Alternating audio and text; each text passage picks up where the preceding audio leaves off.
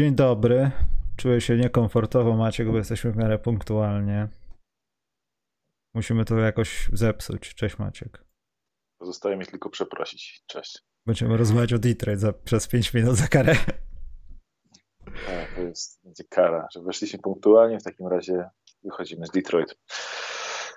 O Detroit chętnie poopowiadam. Nie no, nie no, siłą rzeczy trzeba będzie pogadać o Detroit, bo będziemy Maciek rozmawiać o najpiękniejszych zespołach i tych, które są ciut brzydkie, e, ale mają ładne serduszka. Żadne, żadne z tych słów nie pasuje do Detroit. Detroit jest obrzydliwe w oglądaniu chwilowo i bardzo dobrze. Jest ten sezon na bycie obrzydliwym. Co jest najbardziej obrzydliwe w Detroit, Maciek? E, styl gry. W sensie atak. Ich atak. Są jedyną drużyną w NBA, która zdobyła mniej niż 100 punktów na e, która zdobyła mniej niż 100 punktów na 100 posiadań i Przedostatnie najgorsi są Pelicans, którzy zdobywają na 100 posiadań 100,2 punkta. Offensive rating mają 100,2 punkta, a ostatni są Detroit, którzy mają 94 punkty na, na offensive rating. Więc to jest jakby offensive, jest mi Offensive rating Pistons jest o 6 punktów gorszy od drugiej najgorszej drużyny w lidze. To jest, e, to jest sztuka to jest sztuka, to jest naprawdę duża sztuka i, i, i bardzo ich za to podziwiam, bo podeszli do tankowania bardzo poważnie. A myślisz, Maciek, że będą dzwonić do ciebie? E, jest szansa, że e, że zadzwonią do kogoś z PLK, jak będą się poprawić atak, że będzie Łukasz Koszarek, A... potrzebują kogoś, trafi jakąś trójkę. Nie, Łukasz Koszarek jest bolerem. Ja byłem na meczu Legia Warszawa FC Porto, w ogóle FC Porto postawiło opór legionistom. To było dosyć dziwne. Nie wiedziałem, że FC Porto jest aż tak dobre. Tam jest Klów, Krów, nie pamiętam, ale bardzo ciekawe, taka jedynko dwójka, bardzo ciekawy gracz. E, Łukasz Koszarek tam był bolerem, powiem ci. On jest dalej bolerem. Łukasz Koszarek zawsze jest bolerem. Ale teraz jest bolerem. już takim bolerem, że on sobie robi step back i on już, on już wie wszystko. Ja mam takie wrażenie czasami, jak na niego patrzę, że on wie nawet, że ta akcja będzie zepsuta. On daje jej się zepsuć. Bo on wie, że to jest proces. On w następnej akcji przewiduje, że to zepsuje, ale w następnej będzie, będą trzy punkty. On jest trochę jak taki, taki nie zapomniałem jak się nazywał Neo naprawdę. Pan Anderson, tak?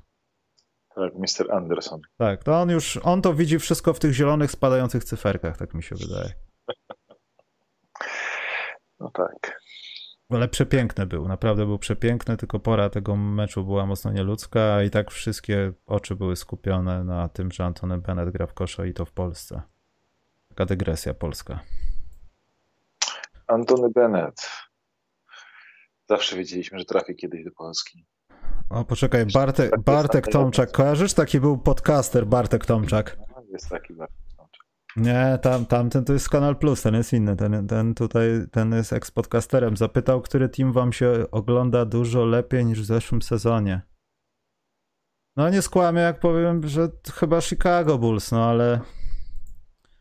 No ale to patrzy się lepiej, to tak, to lepiej się ogląda to. Bardzo pięknie mi się ogląda ostatnio Memphis Grizzlies, ale to wiadomo dlaczego. I Memphis Grizzlies się ogląda najlepiej jak się da i Charlotte Hornets też mi się ogląda fantastycznie są dwie drużyny, które po prostu się przyjemnie, autentycznie przyjemnie na nich patrzy i e, no fajne rzeczy robią. To jest tak, że Charlotte generalnie biegający dookoła Lamelo Bola, gdzie nagle Miles Bridges wygląda jak, nie wiem, nowa inkarnacja Shona Mariona.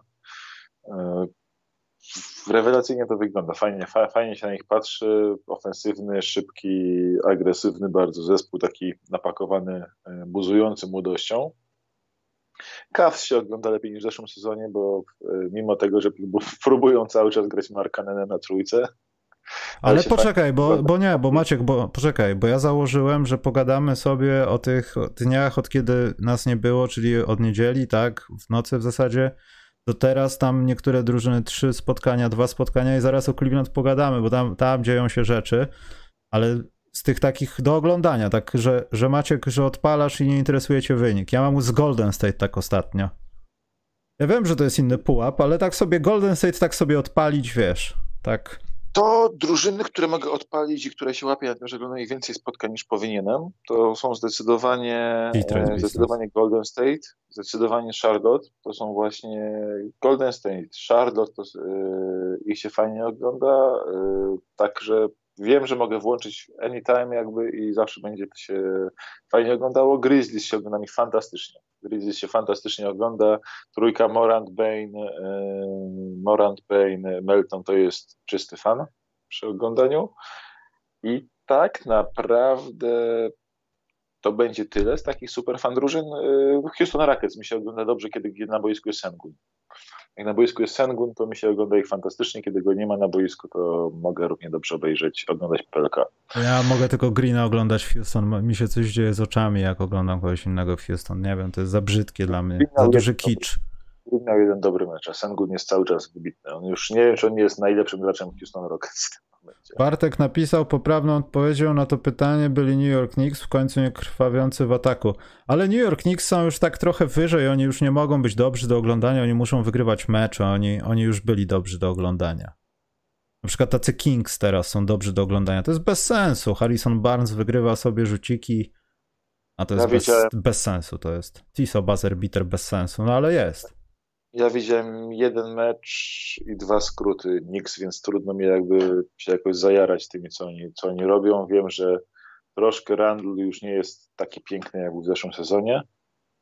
Na razie. To wszystko, co, I to jest chyba wszystko, co mogę o nich powiedzieć. Naprawdę trudno mi, jakoś świadomo, że mają więcej firepower, mają więcej siły ofensywnej, mają więcej, ten, jest Rose, jest trochę tego Kęby, Fournier tam wszędzie się pasował idealnie.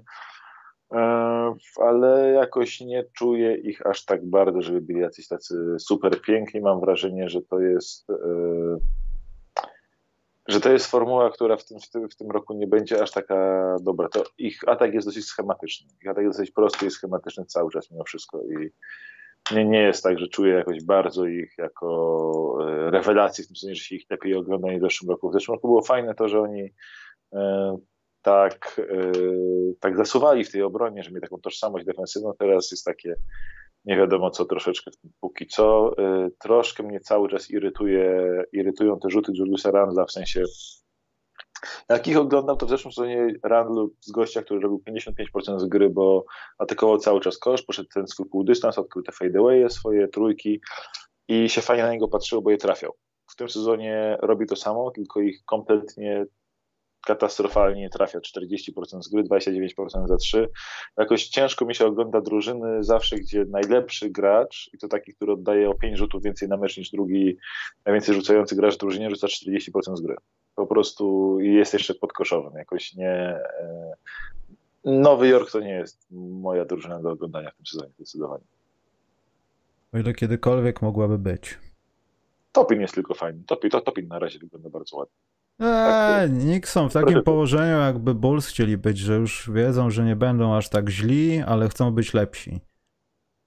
Bardziej, ale wiesz, to Topin mi się podoba, bo Topin chociaż jak wchodzi w tym drugim roku Tipsku trochę wpuszcza, to jest tam kilkanaście minut na mecz na pewno, 18 minut na mecz nawet.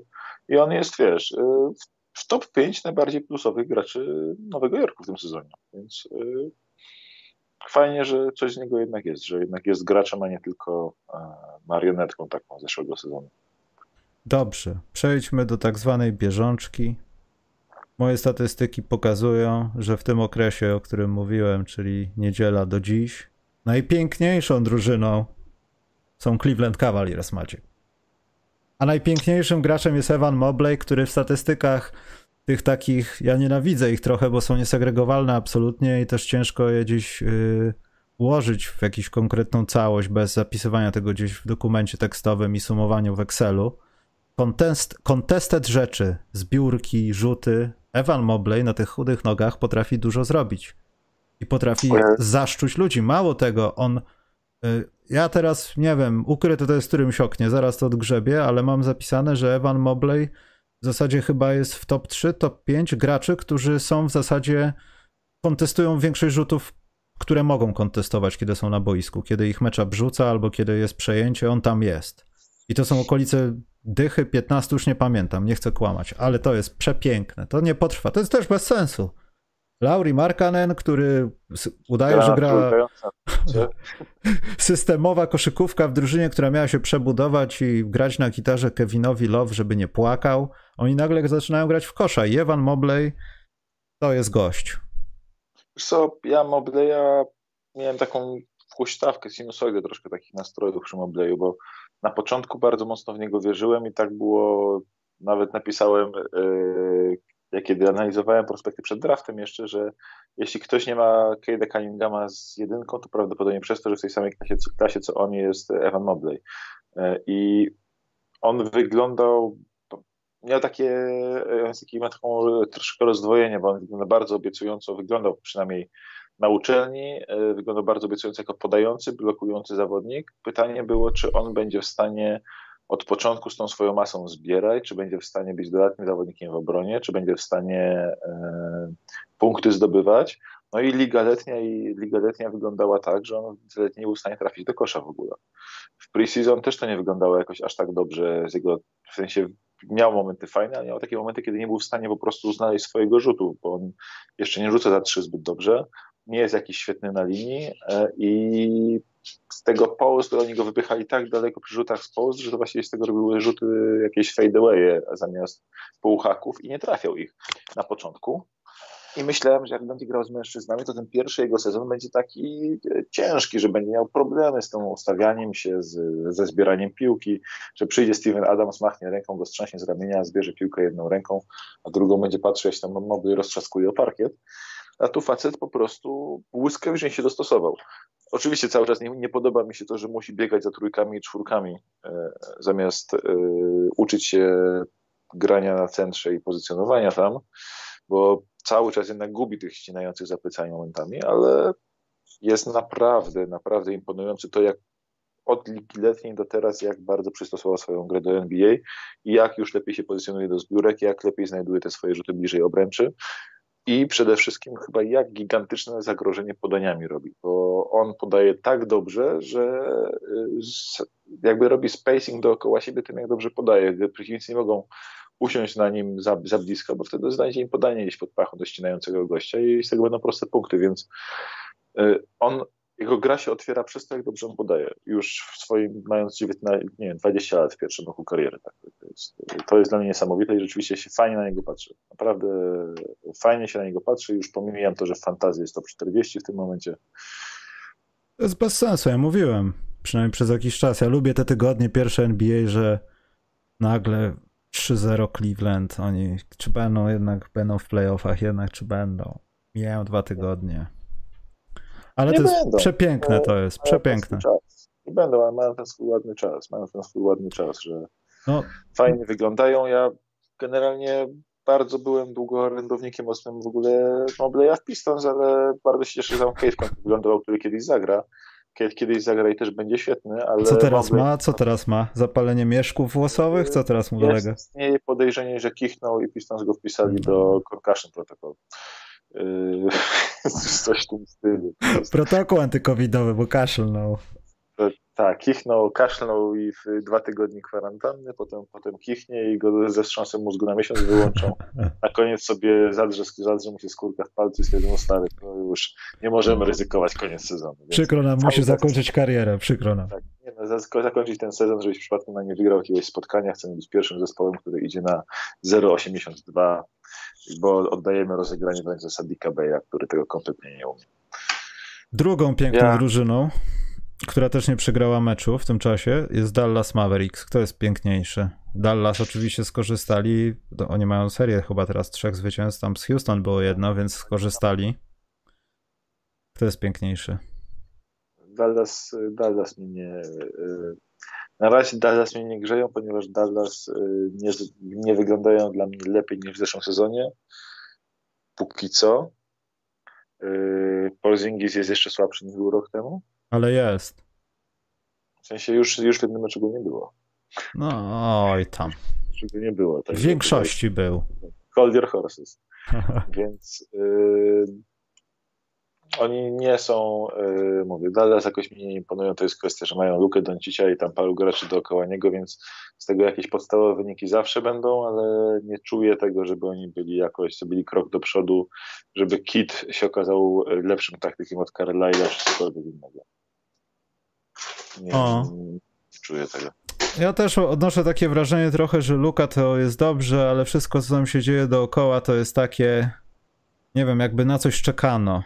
Że nie wiem, czy Luka nagle stanie się lepszy, czy Kristaps będzie nagle spełniał oczekiwania, ale tam jest, tam jest takie oczekiwanie chyba na to, że pierwszy miesiąc zejdzie nam się na wejście w końcu na właściwe obroty, jak wszyscy będą zdrowi, a potem zobaczymy. To takie jest, takie, ta drużyna tak trochę wygląda.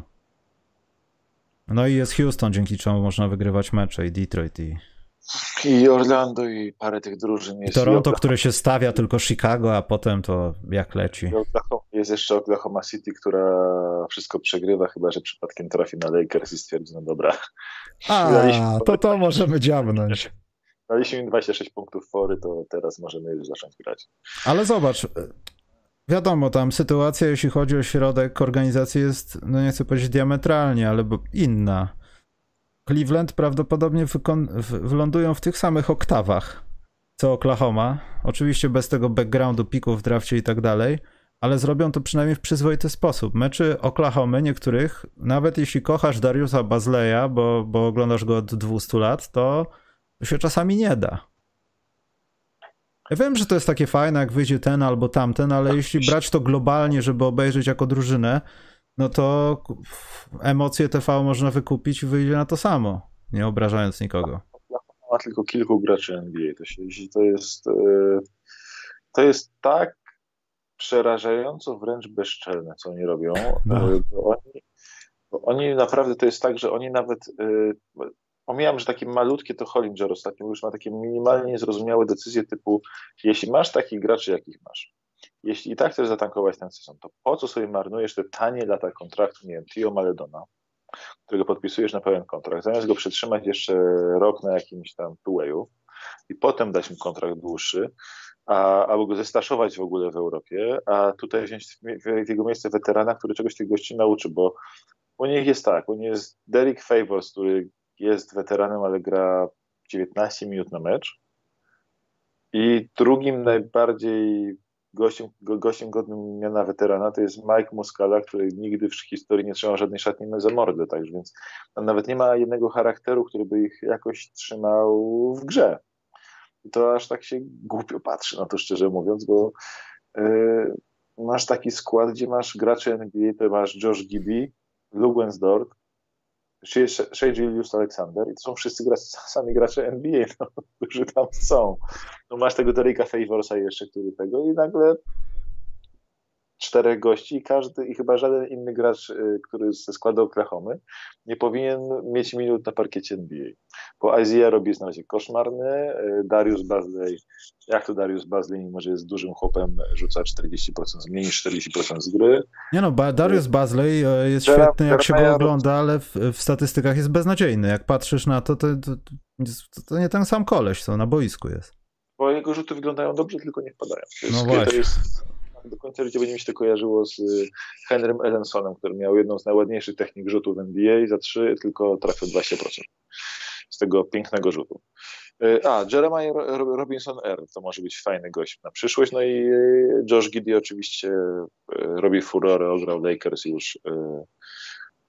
Jest dość imponujący, jeśli chodzi o statystyki, które wykręca na start. W ogóle ta klasa rookies jest, to jest, ja to będę chyba co tydzień w każdym podcaście mówił, że ten, ten rok, ten rok, ta klasa rookies y, jest niewiarygodnie wręcz imponująca. Josh Giddy, bo właśnie mówiliśmy o panie Mobleju, jest fantastyczny, fantastyczny. Josh Giddy wygląda jakby był trzy lata dłużej w NBA niż yy, myśleliśmy, że jest. Po prostu jest, gra już jak taki większy Ricky Rubio w tym momencie już gra w ten sposób. Oczywiście gorszy w obronie, ale ogarnia, ma dużo, dużo ogaru. No i pewnie będziemy dalej jechać przez, tą, przez, tych, przez te fajne, e, jasne, jasne fragmenty e, NBA, ostatniego terminarza NBA, to ci ruki będą się pojawiali co chwilę. Mhm. E, poczekaj, bo zapomniałem, w międzyczasie Krzychu dał nam na cele statusowe hajs, dzięki Krzychu. Krzychu chyba coś w kole fortuny wykręcił, mam nadzieję, że doszło wszystko. Właśnie, jeszcze dwie wysyłki zostały, także może koło następne będzie w przyszłym. Y, dobrze, co ja chciałem powiedzieć?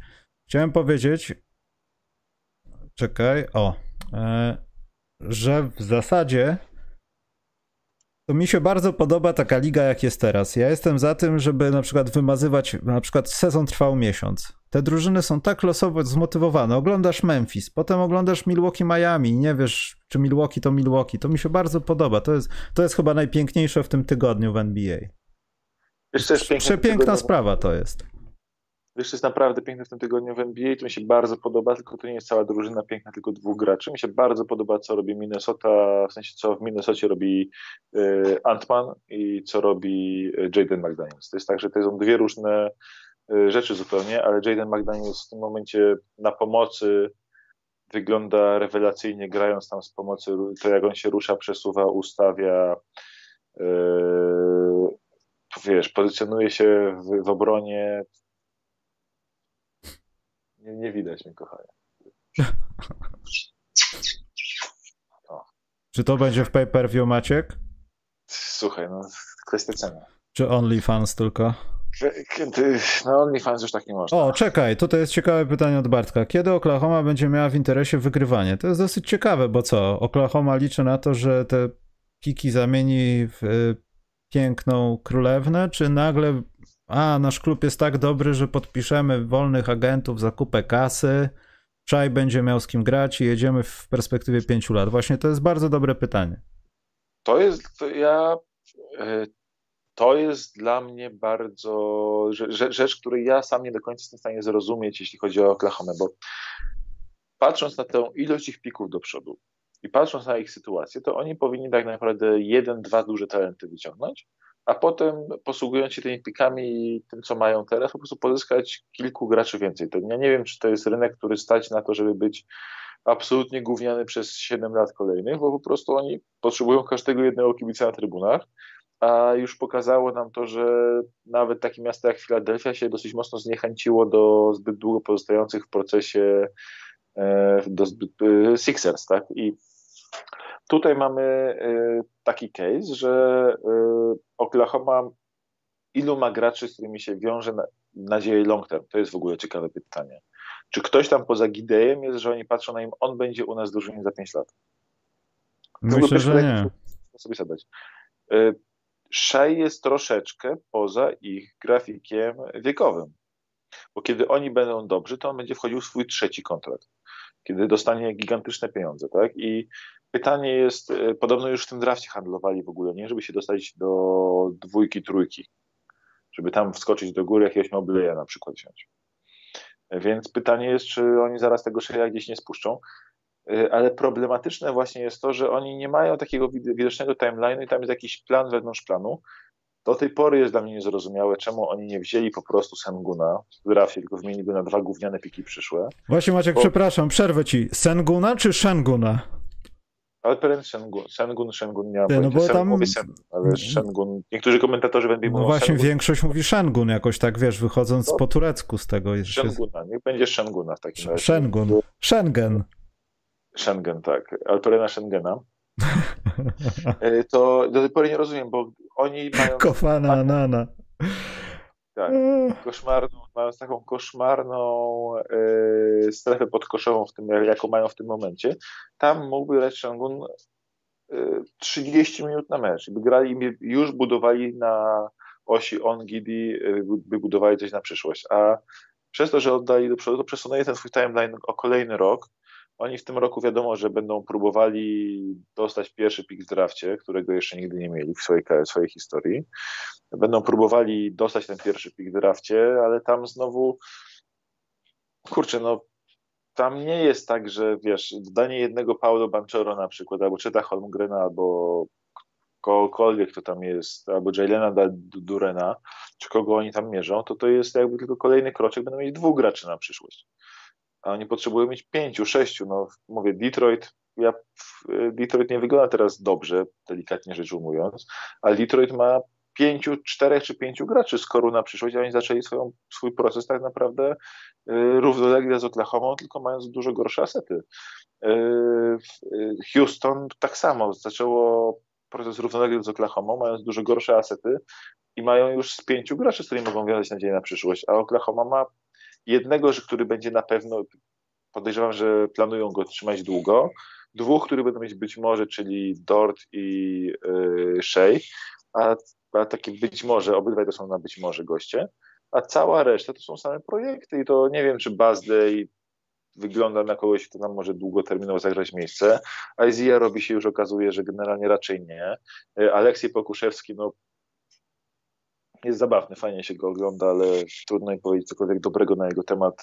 Nie jest graczem NBA w tym momencie, tylko jest raczej takim tą karykaturką biegającą, więc yy, nie, czuj, nie, nie rozumiem planu Thunder. Oczywiście wszyscy mówią trust, yy, impresti with, with trust i tak dalej, i tak dalej, ale cholera jasna, nie czuję tego, co oni robią zwłaszcza w kontekście tego, jak mało aktywni byli na, w tegorocznym drafcie i jak nie, nie, postawili na rozbudowaną bazę asetów na przyszłość już w drafcie, tylko w sensie gra, graczowych asetów, że tak powiem, żywych asetów, a nie pików. Mm. Więc y, Oklahoma myślę, że będzie chciała wygrywać za 4-5 lat najwcześniej. Do, do tej pory te, teraz tak to wygląda, jakby chcieli wygrać 4-5 lat, a teraz mieli najbliższe kilka lat w dupie co pewnie nie skończy się zbyt dobrze z punktu widzenia oceny ich przez fanów. Na razie lecą na kredycie, kredycie zaufania, jaki mają Presti i jakie ma mimo wszystko ten, ten Mike Dagino, czy jak się go wymawia, bo on bardzo, bardzo fajnie, bardzo fajnie e, ustawia tą drużynę. No, problem z tym, że tam nie ma graczy NBA w ogóle. Amen. To wyjdźmy z Oklahomy, bo to nie jest przepiękna drużyna. Pozostaje jedna przepiękna, która od tego czasu, wiecie którego czasu, nie przegrała spotkania, ale zagrała tylko dwa mecze. Czy Utah Jazz są najlepsi w NBA? Bo chciałem, zanim będziemy się nad kimś pastwić ewentualnie, to chciałem się zapytać, kto jest najlepszy teraz w NBA? E, w tym momencie myślę, że Utah Jazz bezdyskusyjnie. To jest tak, że e, ja mam coś takiego, że to Przemek Kujawiński mi e, sprzedał w zeszłym sezonie, że lubię sobie stawiać, jak sobie stawiam jakieś mikrokwoty na NBA, tak to stawiam, jest taki system, że mam pulę osobną do stawiania pieniędzy tylko i wyłącznie na underdogów. I stawiam po prostu, jak leci pojedyncze zakłady na underdogów, i stawiam te zakłady na wszystkich poza tymi, którzy grają z Utah Jazz. Bo Utah Jazz nie przegrywają z, under, z underdogami. Po prostu Utah Jazz, jak mają, grają z Oklahoma, z Oklahoma czy jakimś innym głównym, po prostu wiadomo, że się, że się po nich przejdą, że ich przewalcują. Oni tam mają jakiś abstrakcyjny net rating w tym momencie, to jest plus 18, coś mm. takiego. Tak, mają net rating na poziomie 18,1. To jest yy, jakieś abstrakcja, no to jest wiadomo tempo nie do utrzymania tak naprawdę, ale oni są mają drugi najlepszy atak w NBA w tym momencie i drugą najlepszą obronę w NBA. Hmm. I w tym momencie wyglądają jak walec, który się przechodzi przez kolejne drużyny. Y, a żeby było śmiesznie, żeby się NBA mogło jeszcze troszkę bardziej tam troszkę y, pobać tego, jak dobrzy mogą być jazz, oni trafiają na razie tylko 33 swoich, procent swoich trójek. W zeszłym sezonie na bardzo podobnej ilości prób, czyli na 40, tam rzucali 43 na, na mecz, teraz rzucają 43,5 i są drugi sezon z rzędu liderem oddawanych trójek. W zeszłym sezonie trafiali chyba 38,5%, więc jeśli nawet poprawią to troszeczkę, to będą jeszcze lepsi. Jazz mają jeszcze, Jazz są naprawdę świetni w tym momencie, mają pole do poprawy. Oni też chyba nie mieli jakiegoś potwornie trudnego terminarza, nie pamiętam dokładnie, co, z kim oni grali, ale jak się na nich patrzy, to to jest po prostu maszyna zgrana, naoliwiona. Pewnie będą gorzej wyglądać w drugiej połowie sezonu, jak inne drużyny się zgrają do ich stopnia, bo tam nie było właściwie żadnych dużych zmian w ich składzie. No ale na razie wyglądają, na razie w tym momencie Jazz są na pewno najlepsi w NBA i najpewniejsi, jeśli chodzi o nie wiem, stawianie na ich zwycięstwa i tak dalej. Poza tym tacy stabilni w graniu, nie? To, to też jest tak trochę... Nie, nie, to jest, e, wiesz co, mi się kojarzą bardzo z tym, e, z Bucks, Baden-Holzera, tych, tych, kiedy, kiedy Bucks robili po 60 zwycięstw po prostu całym systemem, że to się kręciło po prostu jak maszyna bach, pach, pach, pach, pach, pach, pach, pach, pach. Tak. Bardzo... I to jest chyba jedyna drużyna, która nie przegrała jeszcze spotkania, nie chcę kłamać. Bo tak, Bulls już nie. Jedyna no, drużyna, która nie. No tak, Warriors z Memphis, tak, więc Utah Jazz zostało z 4-0. Yy, dobrze, jedyna, czekaj, no. Jedyna drużyna, która tak wygląda bezwzględnie pewnie cały czas, że to jest tak, że mm, nie widać jakby nie widać yy, nie widać w nich żadnej po prostu takiej słabej strony, czegoś, co by tam nie działało, od początku wyszli, robią swoją robotę zawodowa drużyna koszykówki. E, też y, taki malutki plusik bym dał, mimo wszystko dla Bulls. Przegrali, ja wiem, ale mimo wszystko Bulls, no tym trochę lepszym też chyba potrafią się postawić. Ja czekam na tą najbliższą, właśnie chyba z Jazz też będą grali. To, taka, taka seria będzie do 5 albo 7 listopada. To będzie trochę pierwszy reality check, gdzie oni są, kim są i dlaczego są w NBA. No teraz wchodzą w tą serię. Właśnie, właśnie nie zaczęli tą taką trudną mm. serię od teraz. Tak, no ten poprzedni mecz w zasadzie to początek tego też trochę tak. Było, co, jednym rzutem się rozstrzygnęło, nie? To no. jest tak, że no, no ale... nie, nie, no tak, ale ten mecz i tak był trochę kontrolowany bardziej przez Nix niż to tam równo było cały czas. No, to, to no tak, mała pociecha. Koniec, na koniec mi się zdaje, że mieli rzut na... Ja ten mecz oglądają. Tak, różnica jednego punktu chyba, albo jednego posiadania to na pewno. Jednym punktem i oni doszli na... Mieli rzut na zwycięstwo, tak. DeRozan miał rzut na zwycięstwo. Hmm. Waszyngton. Wyszło to najlepiej. Wyrzutki z Lakers są, są produktywne w ogóle wyrzutki z Los Angeles, z ławki wchodzące, a teraz wchodzące do pierwszej piątki, bo mój zawodnik się rozsypał, nie wiadomo co tam chyba z biodrem. W biedrze go ktoś szczyknęło, Daniel Gafford. Waszyngton nieoczekiwanie gra w koszykówkę. Jest trochę gorszy od Minnesoty, ale widzę podobieństwa spore. Oni też są lepsi niż ich, e, ich bilans jest lepszy niż gra też, nie umówmy się. To jest, ale wreszcie mają, oni wreszcie mają przede wszystkim yy, graczy NBA w drużynie. To jest, to, to jest odwrotność tego, co miała Oklahoma. W zeszłym sezonie oni mieli tak naprawdę czterech gości, którzy się nadawali do grania w NBA. W tym sezonie mają ich z ośmiu, dziewięciu. Mają pełną rotację, że wchodzi każdy kolejny gracz wchodzi i wiesz, czy on umie. I mają nawet są do, do, do tego stopnia głębocy, że yy, na ławce właściwie całe minuty przesiadują zawodnicy, którzy też mogliby grać jakąś pozytywną wartość wnieść, więc yy, to jest to, co zresztą ja jak o nich pisałem, to przed sezonem to zakładałem, że oni swoją głębią składu będą bardzo niewygodnym zespołem do grania. No, po prostu tłukli do przodu na dużej intensywności. Wielu graczy jest do grania. No i to robi robotę. To jakby się przyzwyczają drużyny yy, rywali do nich, tak?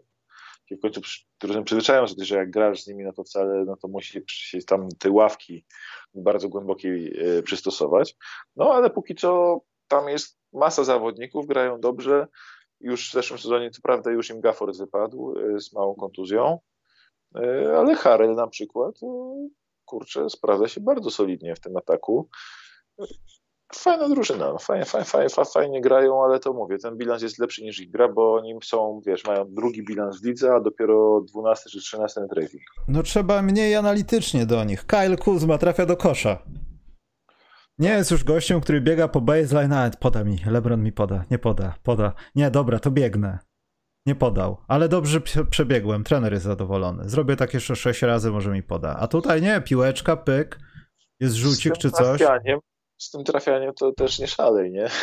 Bo on nie trafia jakoś specjalnie do kosza, bo to jest Ale coś, ale w porównaniu, w porównaniu macie. To jest y, magiczny klub 42, 30, 50 na razie. Więc tutaj nie ma jakichś szaleństw. Y, Trafia do kosza. Tak, broni to tak. Zbiera. To jest, mhm. to jest dobre. Broni i zbiera. Jest, Kyle Kuzma zawsze był niezłym zbierającym jak na swój gabaryt, a teraz jest chwilowo jest bardzo dobry. No, Daniel Gafford robił fajną robotę. Bardzo, bardzo mi się podobało, jak zaczął sezon, jakby zwłaszcza nawet na poziomie bloków, rolowania do kosza, kończenia prostych akcji, ale no szkoda, że już się im popsuł, a Montres Harrell to jest jaka troszkę wydmuszka, to jest gość, który zawsze gra, ma lepsze statystyki niż Testoka. Za dużo wymagasz, to jest Waszyngton, to się miało rozsypać, wszyscy mieli się Nie, pokłócić, słuchaj, proszę, aż tu nagle. Ja ich stawiałem gdzieś w okolicy 50% zwycięstw, więc to nie jest tak. Halo Maciek? Maćka urwało. Zawiesił sobie połączenie. Prawdopodobnie ktoś do niego zadzwonił. Dobrze, ja zanim Maciek wróci, chciałem powiedzieć, że trzeba odnotować, nie wiem czy Maciek to słyszy, czy już kompletnie nie kontroluje telefonu, że Boston i Lakers dostaną taki mały plusik ode mnie. Odbijają się od dna. Jest to co prawda powolny proces, ale bodajże mają 2-3, już, już patrzę, mają 2-3. I to chyba byłby koniec moich plusów i czekamy na Maćka, moi drodzy, bo pewnie coś zepsuł. Albo muszę jeszcze raz do niego zadzwonić. To dajcie mi sekundę, już to robię. Mówiłem Maciek, że symbolicznie przyznaję plusa Bostonowi i Lakers, bo się od dna odbijają trochę, bo chciałem przejść w strefę minusów. No dobra, to dawaj. Czyli nie masz nic do dodania w tej sprawie? Nie, nie. W tym momencie myślę mi. Znaczy, mnie to guzik obchodzi, ale nie chciałbym potem, że jesteś, jestem ja albo my w ogóle negatywni. To jest pozytywne, że Boston i Lakers. A minus jest taki, że kontuzje się zaczynają. I to mi się zaczyna nie podobać. Mam nadzieję, że nie dosięgnie to tfu, tfu, jakichś ciekawych graczy, bądź też drużyn w jakimś, nie wiem, większej skali, bo już w Los Angeles zaczyna kogoś, komuś tam coś strzykać, bo w Chicago też coś tam komuś szczykało. I w innych zespołach, na przykład jak Denver, komuś coś szczyknęło, na szczęście się nie łamało. Jezus, Denver, Denver mnie przestraszyło dosyć mocno. Jokic się przestraszył. Mhm. Znaczy to i tak chyba potrwa, nie będzie grał od razu, czy będzie grał od razu? Nie, mam mieć chwilę przerwy, jakąś krótką przerwę. No. no w tym miejscu Denver bym yy, kuchał i dmuchał na niego, mówmy się, to jest tak, to jest kawał grubego serwa, który już nie jest taki gruby, co prawda, ale trzeba cały czas yy, się troszyć o niego, jak, jakby był. To MVP trochę waży. Ten MVP trochę waży, także tutaj i to jest dla Denver mnie też nie zaczęło jakoś tak no. rewelacyjnie, żeby tam, tam się zabijać bardzo, nie wiem, jego mecz trwa, żeby wrócił już zaraz teraz. No ale wiesz co, no znowu go nie ma. To jest kolejny gracz, który trochę w jego kontuzja burzy harmonię, którą się długo budowało, bo my chcemy w końcu przekroczyć ten magiczny próg i znaleźć się tam, gdzie powiedzmy jest Antek, albo przynajmniej bić się o to, że tam jest Antek. Cokolwiek to by oznaczało, ale mam wrażenie, że, że jeśli na przykład Jokiciowi coś się stanie, bo ta kontuzja może spowodować, że będą jakieś, nazwijmy to, kłopoty dalej idące, w sensie pobolewać będzie i trzeba będzie robić jakieś większe jeszcze przerwy od gry, może, nie daj Boże, to y, no Denver trochę, to modli się Boże, żeby na playoffy było tylko dobrze. I to jest kolejna tak. strata czasu dla nich, bo Michael Porter Jr., on po wakacjach y, nie ma peleryny, nie lata nad ludźmi i w zasadzie nie robi jest perspektywiczny dalej, ale, ale to nie jest jego breakout sezon jak na razie. Wszyscy, wszyscy śmieją się z, zawsze z pierożków Jokicia, że Jokic te pierożka sobie lubi zapodać latem, a Michael Porter Jr. sprawia wrażenie w tym, jak się rusza, jakby jadł pierożki jakieś ciężkostrawne. Bo z wiadra. Nie idzie, nie idzie. Porter Jr., który miał skuteczność nie 55% z gry w zeszłym sezonie, coś w tym stylu, teraz ma 35% z gry. Y, jak wali 43% za 3, teraz wali 32% za 3.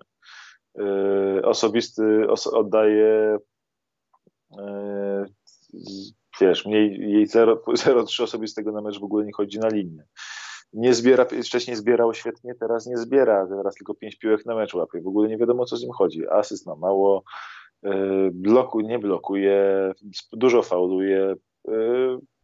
Jest kompletnie jakby, jakby cień gracza. I pytanie jest, y, co teraz zrobi bez Jokicia? Czy wreszcie znajdzie swoje jaja i może zacznie grać, czy może się jednak zaraz okaże, że jednak bez Jokicia i tak jest soundem beta i teraz będzie podążał za przewodnictwem Willa Bartona, który żadnego, butu, żadnego rzutu się nie boi. Żadnego butu.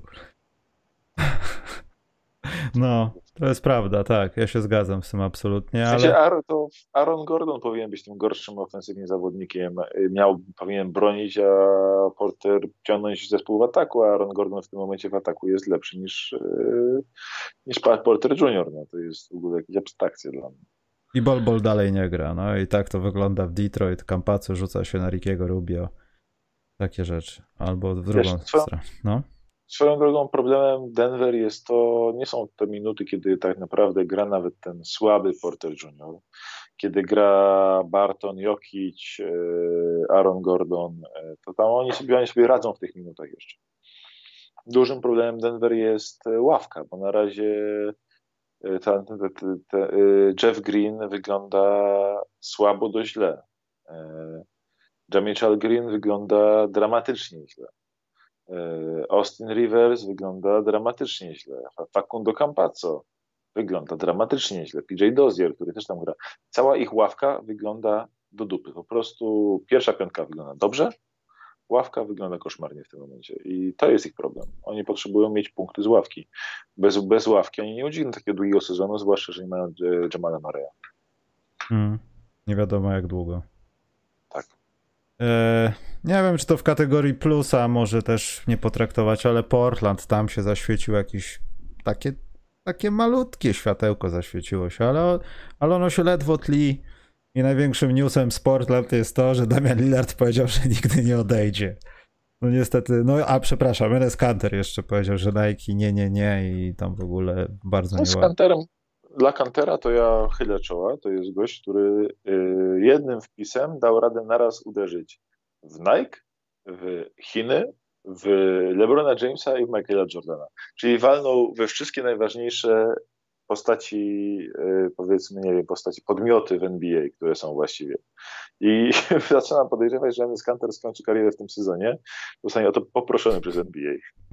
Bo przypieprzył z takiej grubej rury, w sensie to fantastycznie wziął, na, wziął Jordany, napisał na nich, że product of slavery, czy, czy, czy coś takiego.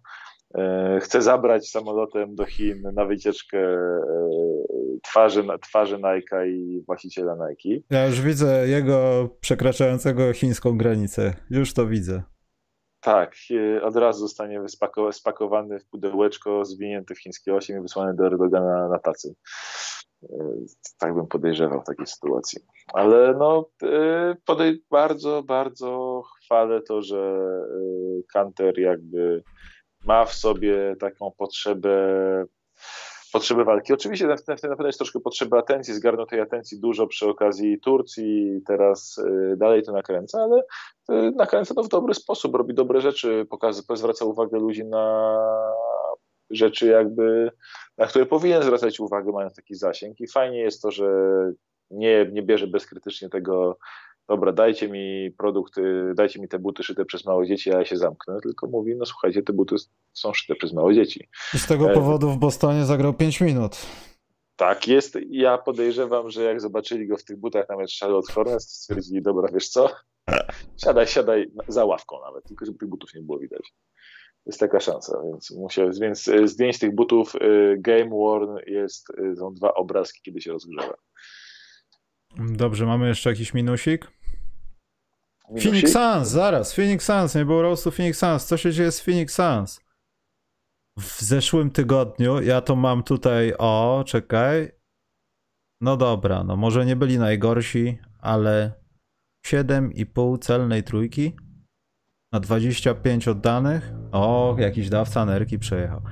Na 25 oddanych to jest 30%. To Phoenix Suns już nawet za trzy punkty nie może, nie może dać. Minus 16 w dwóch ostatnich meczach, Maciek.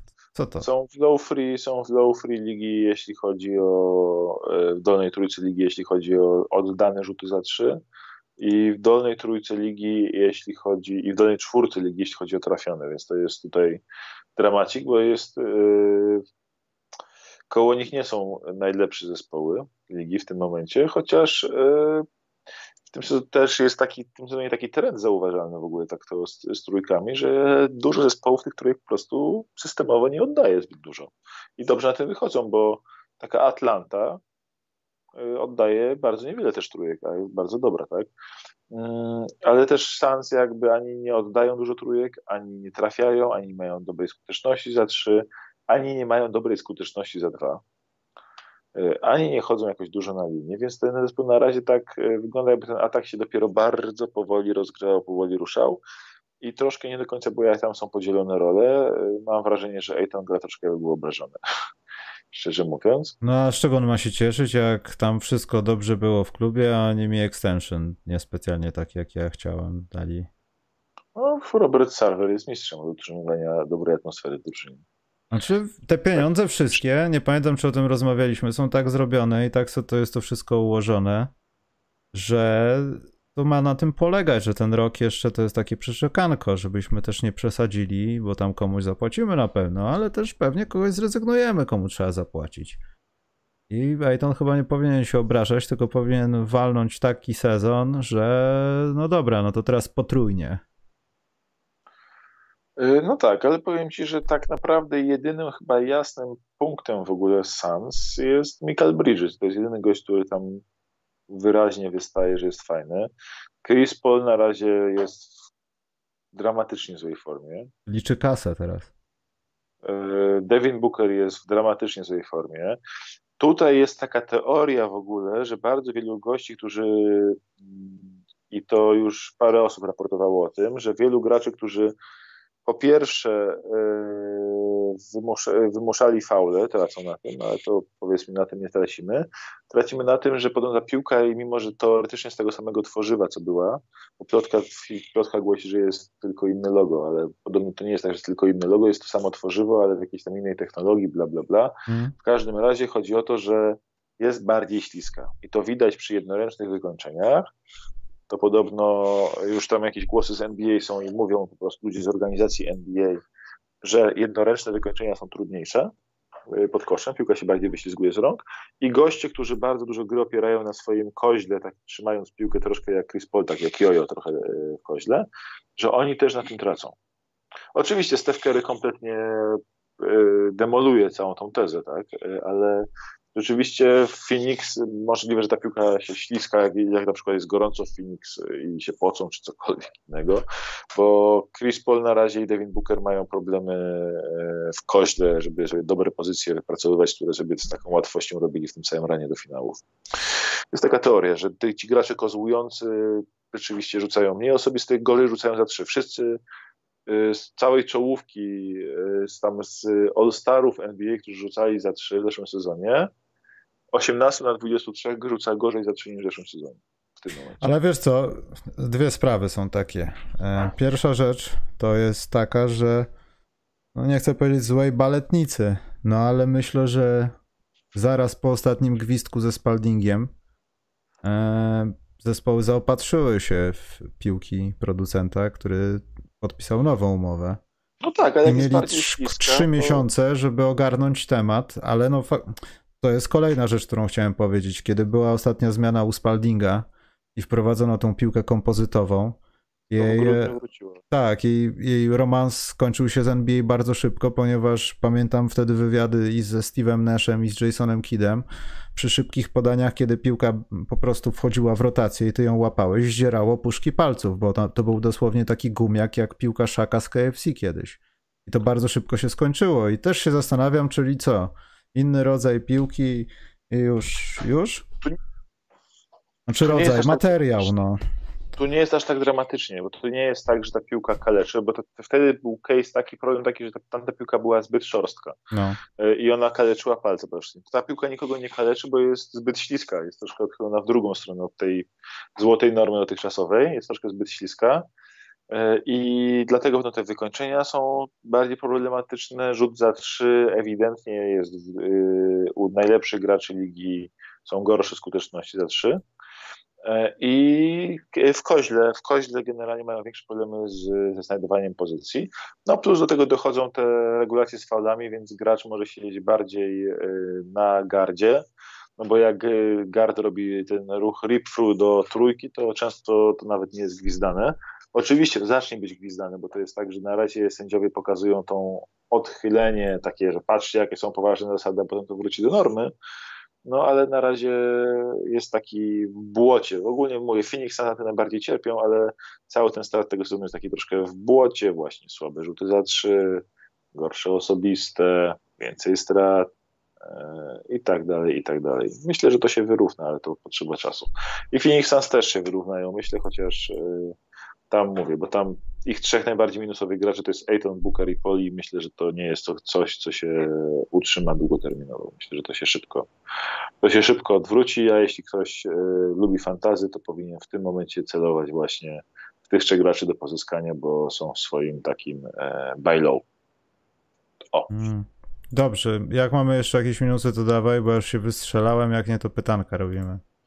E, szybki, szybki minusik jakiś jeszcze, no mówię, dla Pistons, w sensie taki minus żartobliwy dla Pistons, bo ja lubię, bardzo lubię to, że oni przegrywają, bo to oni powinni przegrać, to jest ich ostatni rok na przegrywanie, e, ale serio to jest tak, że ja przed sezonem napisałem, że nie oglądam Pistons, póki nie zagra Kate, potem się podkusiłem i obejrzałem dwa spotkania całe i dwa duże fragmenty i stwierdzam, że trzeba było się trzymać wyjściowego ustalenia, bo tam jest taka patolnia, że tak naprawdę jak gracze no tam oni bronią dobrze, bronią szczelnie, nie rzucają celnie, to jest ten problem. Oni mają chyba, oni mają y, dobrą, dobrą obronę w pierwszej 15 ligi, jest ok, ale w atak jest, mówię, atak jest o offensive rating mają o 6 punktów na 100 posiadań gorszych od drugiej najgorszej drużyny w lidze, a to nie jest proste, jeśli rywalizujesz z New Orleans Pelicans, którzy mają jednego gracza NBA. Y, I, a jeśli chodzi o takie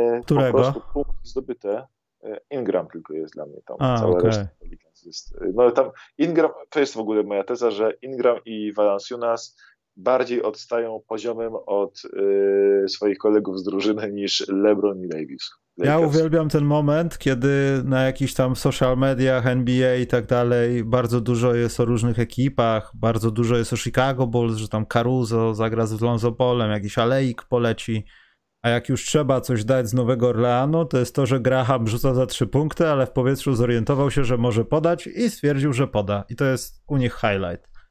To jest smutne.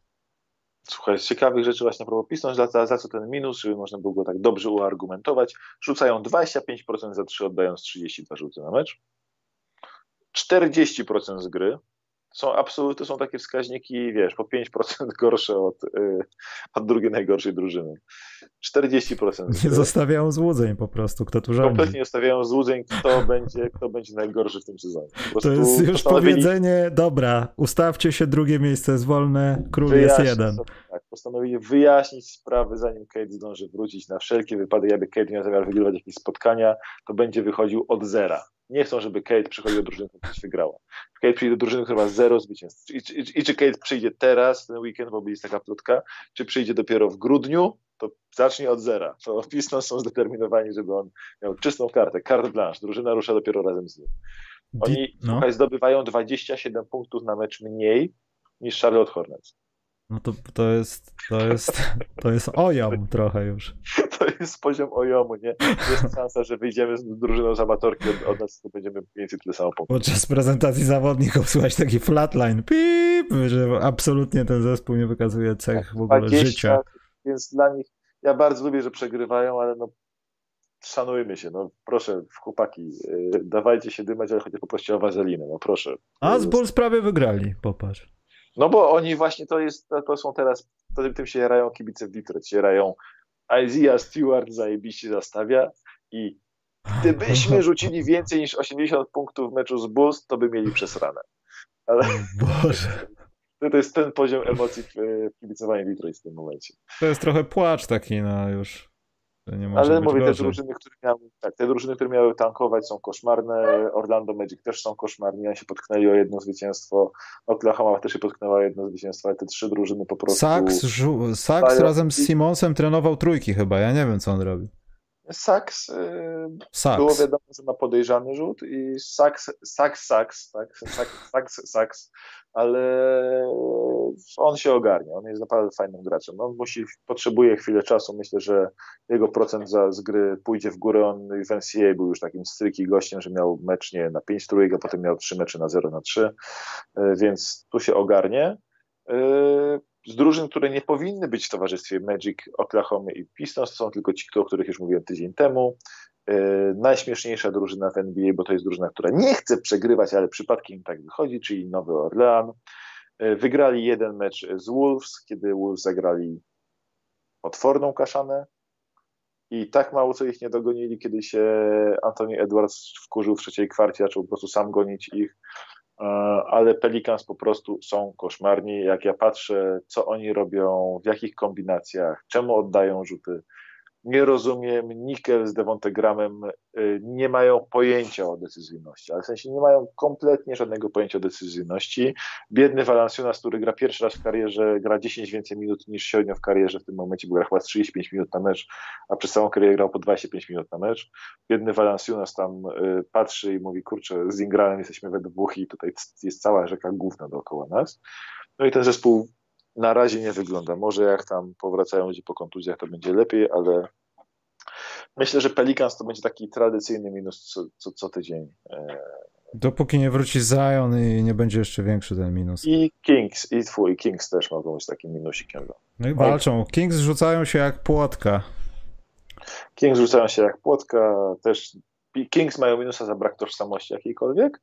I ostatni minus ode mnie to jest San Antonio Spurs, którzy chcą wygrywać, bo oni myślę, że tam jest potrzeba wygrywania, tylko że kompletnie nie ma kim wygrywać i yy, robią cuda, robią cuda, a i tak na koniec jest free. Chciałem to przykryć, ale Spurs nie wygrali od niedzieli meczu.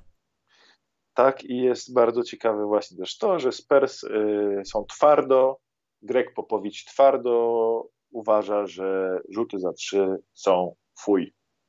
Są fujka, oni nie będą rzucali za trzy, to jest dla lamusu. Konsekwentnie w dolnej piątce, szóstce ligi, e, jeśli chodzi o ilość oddanych rzutów, bardzo starają się, e, ten, pielęgnują wspomnienia Derozana, grają jakby był cały czas Derozan w drużynie, tylko żaden ich gracz nie umie tak znajdować rzutów na półdystancie. Nie, właśnie oni się cieszą, że nie ma Derozana, bo wreszcie spokojnie mogą nie rzucać, bo Derozan czasami chciał i rzucił i to nie podobało się nikomu. I teraz nie. spokojnie mogą nie rzucać.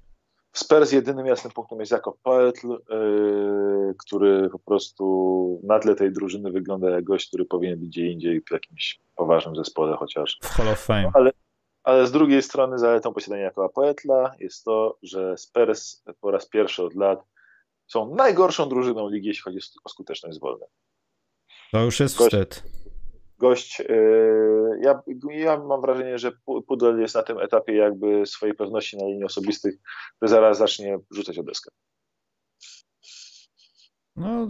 To, jest, to jest taki zawsze ruch desperacji. Ja, ja, ja, tak, ja, tak, ja tak rzucam w amatorce, bo to jest taki ruch desperacji typu mam tak nieułożoną rękę, że po prostu jak pieprzę tym kartoflem w, w ten czarny kwadracik, to powinno się odbić w stronę obręczy lepiej niż kiedy rzucę bezpośrednio. Ależ Maciek piękną puentę teraz żeś zarzucił, ponieważ ty mówisz o Detroit i idziemy do pytanek, ale chciałem o czymś powiedzieć, a ja robię ranking najgorszych. Teraz wczoraj pracowałem nad pierwszym odcinkiem piątej edycji i wynotowałem już seniorskich najgorszych, tylko czekam do weekendu, bo to się zmieni. O czym chcę powiedzieć?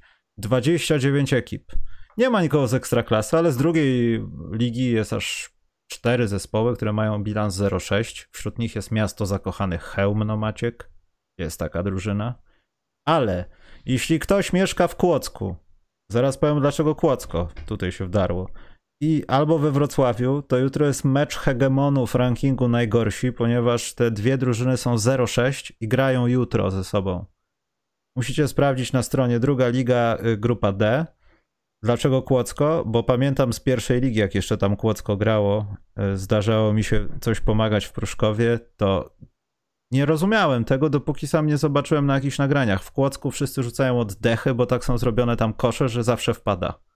I to nawet przyjezdni już wiedzą, że jak ci nie idzie, waltruje od dechy, decha zawsze przyjmie. Cały, z całej siły siedeczek. Tak, i Kłodzko ponoć było legendarne swojego czasu w pierwszej lidze właśnie jeśli chodzi o dechę, chyba jest gospodarzem tego spotkania, także kto z Kłodzka, bądź też tam Dolny Śląsk, to czym prędzej, bo takie mecze się nie powtórzą, to jest póki co top 4 mojego rankingu najgorsi. Zero zawsze, zawsze szanowałem bardzo te drużyny, w sensie na jakichś tam ligach, Y, tych takich niższych ligach w Polsce, te, które miały właśnie takie nie te stawiane już dobrej jakości kosze dojeżdżające do parkietu, tylko właśnie jakieś wiszące, tak.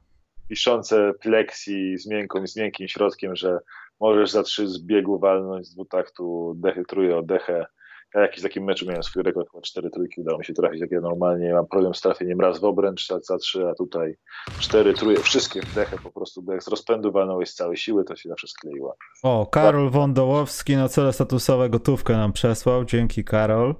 Y, a co do no. najgorszych, to chyba masz drużynę, która będzie, y, mam wytypowanego, wytypowaną drużynę, która ten ranking wygra w tym sezonie. Ale w Zresztą, Polsce? Polsce mam, swój, mam, mam swojego ciężkiego faworyta. Jaka to? Najlepszych, najgorszych. Y, w zeszłym sezonie też w pierwszej lidze był taki, była taka drużyna, której prawie się udało być y, absolutnym dominatorem, ale przypadkiem chyba pokonała jakąś. Eee, to właśnie nie było Kłodzko. To mogło być Kłodzko w zeszłym no sezonie. No i Kłodzko kontynuuje swoje. Wygrało mecz. Wygrało jeden mecz. No wygrali jeden mecz właśnie chyba ze Zniczem Pruszków. A teraz w pierwszej lidze masz lepszą drużynę. E, mówisz o Księżakułowicz, mówisz? Nie, o Turowiec Gorzelec z pierwszej ligi. A, ale to proszę pana, Turów z Gorzelec ma 0,5 i Żak Koszalin też ma 0,5. Te, tam... Ale Turów przegrywa średnio 50 punktami.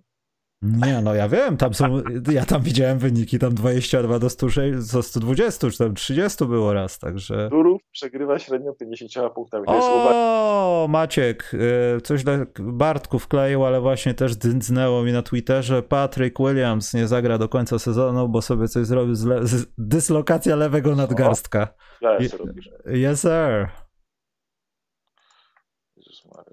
Tak, no. Ten stary facet z polskim nazwiskiem potwierdza to na swoim profilu amerykańskiej sieci social media. Dokładnie, no. Ma przejść. Także. Cisną mi się na usta tylko słowa, które by zdemonetyzowały ci podcast, więc nie mogę tego robić. Nie. Nie wolno. No ale z drugiej strony Wucewicz będzie miał więcej szans, żeby być agresywny. Ale to Patryk Williams dawał ile? Trzy rzuty na mecz? No nie, Patryk Williams przede wszystkim tam w tej drużynie od, miałem przynajmniej takie wrażenie, bardziej od, był od takiej roli, żeby no, ja wiem, że to łatwy przykład, ale być takim greenem. 4,5 rzuta na mecz. Ale być wszędzie, łapać wszystko, podać, zablokować, zebrać, niekoniecznie rzucać punkty. Inni są od tego w tym składzie na boisku. To, to, to była chyba jego rola. No i też e, ze strony defensywnej, żeby szczuć ludzi. No i, no i, no i dupa. Brown Junior? Tak, Troy, tak. Mhm. Chyba tak, chyba tu nie mam. Dobrze, szybkie pytanka, skoro już jest takiego dolnego C.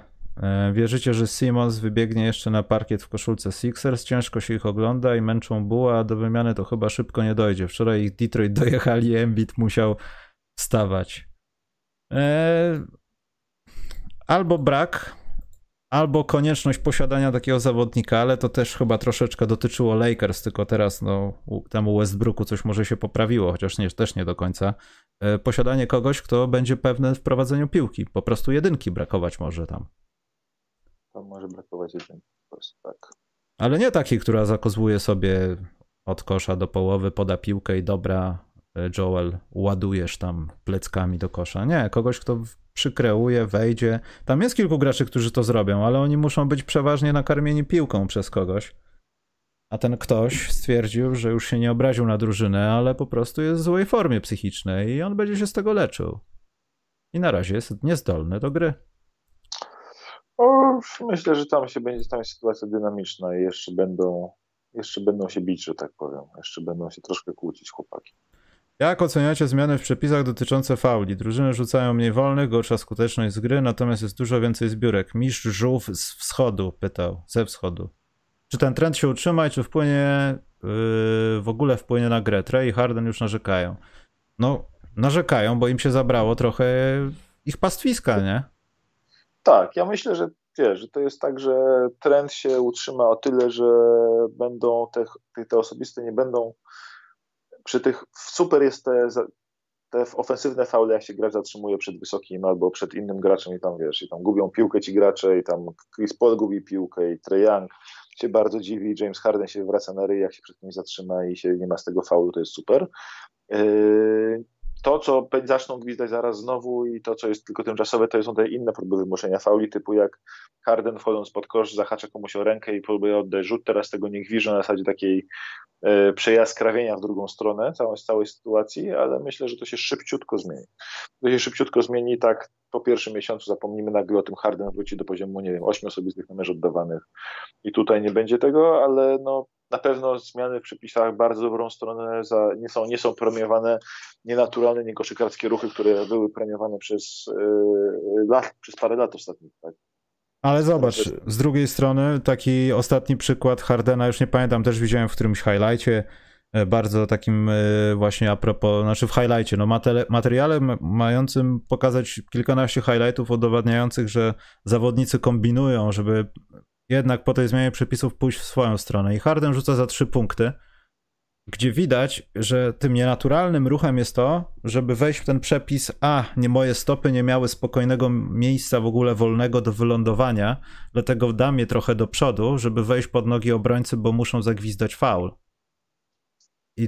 I to jest trochę niepokojące, że jeśli doprowadzić do perfekcji, tak jak, nie wiem, sprowadził, zrobił scrap dribble James Harden, step back z trójką, który jeszcze 3 lata temu był krokami, to, no to też będzie problem, bo wszyscy nagle nauczą się rzucać tymi nóżkami i znajdować to miejsce, wiesz, za zapaczulia Kawhi Leonard style.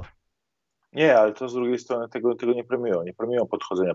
Za podchodzenie podchodzenie masz cały czas w ogóle. Ja wiem, ale ja mówię o zawodniku, który do tej pory nigdy tak nie robił z nogami i widzisz, że on nienaturalnie te nogi swoje daje do przodu, żeby tylko jako gracz atakujący wymusić trochę presję w kierunku arbitra, żeby popatrzył ale się. Panie, panie kolego, ale tutaj to ja wolny space powinienem mieć, a on mi tu się przed lądowaniem ładuje z nogami. Ale przecież ty tego nigdy nie robiłeś, ale wolno mi. I wiesz, przechodzenie w inną lukę jakąś, albo znalezienie kolejnej jakiejś luki, którą można się znaleźć, jakoś wbić z tymi faulami. To jest niepokojące. Dobrze. E, Maciek Krzychu cię pytał, kogo wybrać w fantasy teraz? Derrick Jones Jr.? Troy Brown Jr. bym stawiał. Że będzie grał DeRozan na czwórce, a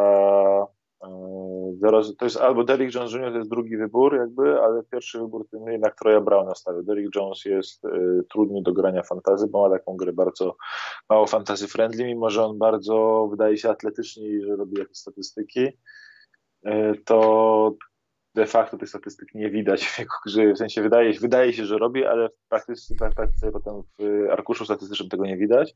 Troy Brown Jr. ma potencjalnie bardzo fajną podfantazy grę i jeśli zdecydują się przesunąć DeRozana na stałe na czwórkę Bulls i wprowadzić do piątki Browna, żeby Caruso grał z ławki dalej, to podejrzewam, że Brown jest teraz takim wyborem. Dobrym. To jest, to jest taki strzał na, najbardziej friendly, fantasy friendly grę z tych wszystkich gości, którzy zostali. Hmm. No dobrze. To chyba wyczerpaliśmy ten tydzień, Maciek. Będziemy mogli sobie pójść. Jest piąteczek. Apeluję do was, nie stwarzajcie korków za duszki. Nie zabijcie się po drodze jadąc na cmentarze. Kupujcie League Pass od naszego kodu. Jeśli mogę. Jeden, nie możesz. No? Mogę. Jeden taki y, apel, bo dzisiaj tam przez Twitter przeleciała jak Żeby burza. nie ubierać się jak wieśniara, jak idziesz na nie, świeczki ze świata. list seniora jakby, tak? List dla seniora, ten taki, e, to się nazywa, jest taki portal, że Święty Mikołaj dla seniora i tam można wybrać sobie list takiego starszego pana i spełnić jakieś marzenie jakiejś starszej osoby. Są listy, które chwytają za serce bardzo mocno, e, jeśli chodzi o takie rzeczy typu gość chce, nie wiem, długopisy, coś słodkiego, i starszy pan, który po prostu na to normalnie nie stać z emerytury. I to jest pierwsza rzecz, że ja bardzo mocno promuję z, z okazji, przy okazji święta zmarłych, żeby nie celebrować tak bardzo zmarłych, a celebrować żywych. Czyli jeśli możemy to pomóc takiemu seniorowi, wybranie takiego listu to jest, nie to są często jakieś malutkie pieniądze do zapłacenia, komuś można sprawić dużą przyjemność. To po pierwsze. Po drugie, to się nazywa Święty Mikołaj dla a seniora. Możesz podać dokładny adres tego? Święty Mikołaj dla seniora, pisane jednym słowem.pl. Okej. Okay. I to jest y, naprawdę e, fantastyczny portal. A drugą rzecz, taką mam refleksję ostatnio, nie wiem, czy się z zgodzisz, ale zamiast celebrować, w sensie fajnie celebrować jest zmarłych na swój sposób, ale zamiast celebrować tych nieżyjących już dziadków i pradziadków, y, jeśli macie jeszcze jakichś dziadków, zadzwońcie do nich, zapytajcie ich o ich młodość, idę o zakład, że większość z nas nie zna swoich dziadków takimi, jakimi byli z młodości. Znamy ich stare wersje, zapytajcie ich, jacy byli kiedyś, bo jak będziecie starsi, to w wieku 50-60 lat pewnie już nie będziecie mieli tej okazji, a wtedy będziecie żałowali, że ich nie zapytaliście o to wszystko i bardzo duża historia ich życia zniknęła razem z nimi. Więc skoro święto zmarłych, pocelebrujmy tych, którzy są już bliżej niż dalej tego grobu. Tak, ja, tak. ja się absolutnie z tym zgadzam. Y, mało tego, możecie dojść do strasznie zaskakujących wniosków i dopiero zaczniecie się bać swojej rodziny. Tak. Ja, ja tylko mogę opowiedzieć taką w skrócie historię, że miałem taką y, kuzynkę mojej babci, siostrę cioteczną, coś, coś w ten deseń. Dla mnie to była bezpośrednio ciocia, żadna babcia i tak dalej, ale w wieku mojej babci. No oczywiście generacja wojenna, y, lasy, partyzantka i tak dalej. Ta kobieta wyglądała tak, że zaraz da pierożków i tak dalej. No i kiedyś, no jako młody człowiek, miałem to oczywiście w dupie, że tam jakieś opowiastki starych ramoli, niewiarygodne historie, ale miała dar do opowiadania. No i była jedna historia wojenna, kiedy, no ale co, co ciocia robiła w tych lasach? Jak to, co, granaty były noszone? Nie, no ja to byłam głównie w takim oddziale, że miałam tam tych Niemców jak gdyby zagajać, że jestem taka ładna, a potem z koleżankami sprawiałyśmy, że już tylko mundury zostawały. No dokładnie. Ale jest... Grosza bym nie dał, że ta kobieta mogłaby zrobić komukolwiek krzywdę, a podobno była lepszym, lepszym cichociemnym. No i właśnie są takie historie, tak? To jest też na przykład przykład, jak się dowiedziałem właśnie dosłownie wczoraj, jak zagaiłem ten sam temat w rodzinie, rzuciłem, się dowiedziałem od mojej ciotki, że jak dokładnie mając tą samą refleksję kiedyś na łożu śmierci już tak naprawdę wypytała, wypytała moją prababcię o to, to się okazuje, że moja pra, prababcia, słuchaj, była jakąś hrabianką, która uciekła z parobkiem na Ukrainę. Wróciła, wróciła potem, wróciła, z Ukrainy, potem, wróciła potem z czwórką dzieci z tej Ukrainy, a mój prapradziadek był tak zdenerwowany skażeniem krwi jakby, że, że zabatorzył tego parobka na śmierć. I jednym z tych czwórki dzieci, które, jedną z tych czwórki dzieci tej krabianki jakby była moja pra, prababcia jakby i moja ciotka się była w takim szoku. Mówi, tutaj jakaś taka kobiecina w mieście całe życie mieszkała, myślała, że jakaś zwykła mieszczka jakaś, a tu się okazuje, że historia po prostu jak jakiś romans XVIII czy XIX wieczny, y, jak z książki jakieś po prostu, więc y, warto zapytać swoich dziadków teraz, coś opowiedzieli, bo oni mają takie historie. A nawet wiesz co, nawet gwarantuję, jeśli... że wasi dziadkowie mają takie historie, które urwą wam dupę, hmm. jeśli tylko będziecie chcieli się zainteresować i dopytać i pokazać im zainteresowanie tym, co mogą opowiedzieć. Mi się wydaje, że nawet gdyby mieli najnudniejsze życie w życiu, to i to tak e, warto posłuchać, bo się okaże, że za 10 lat coś z tego można wyciągnąć, bo, bo, bo to, że nie było kiedyś tak. internetu, to nie znaczy, że podobne procesy nie działały identycznie w tak, wielu więc sferach ja przy życia. Okazji święta zmarłych celebruję, sugeruję mocno i zachęcam do celebracji tych, którzy e, powiedzmy są już bliżej niż dalej, bliżej końca swojej drogi niż początku. Ale to nie oznacza, że nie macie nie iść e, zapalić świeczki, tylko gaming cały czas albo NBA, to jest raz. I jak ja się dowiem, że ktoś słucha naszego podcastu, a kupuje te LEDowe świeczuszki takie na baterię, nie znamy się. Jeszcze jak z melodyjką, w ogóle możemy się nie lubić nawet. Ta świeczkę z melodyjką, proszę ją sobie włożyć, w, dokładnie tak, tam i odpalić. Wszyscy wiedzą, kim jesteś. Dobra. Masakra. Dobrze. To do przyszłego tygodnia odsłuchujcie podcastu z Hubertem, bo tam są rzeczy o CBA, chyba będzie grubsza seria, bo Hubert jest bardzo podniecony tym, że może w końcu komuś to opowiedzieć, bo kogoś to interesuje, a nas w NBA to interesuje, więc będzie więcej. Yy, powiedz Maciek słowo powyżej pięciu sylab i idziemy.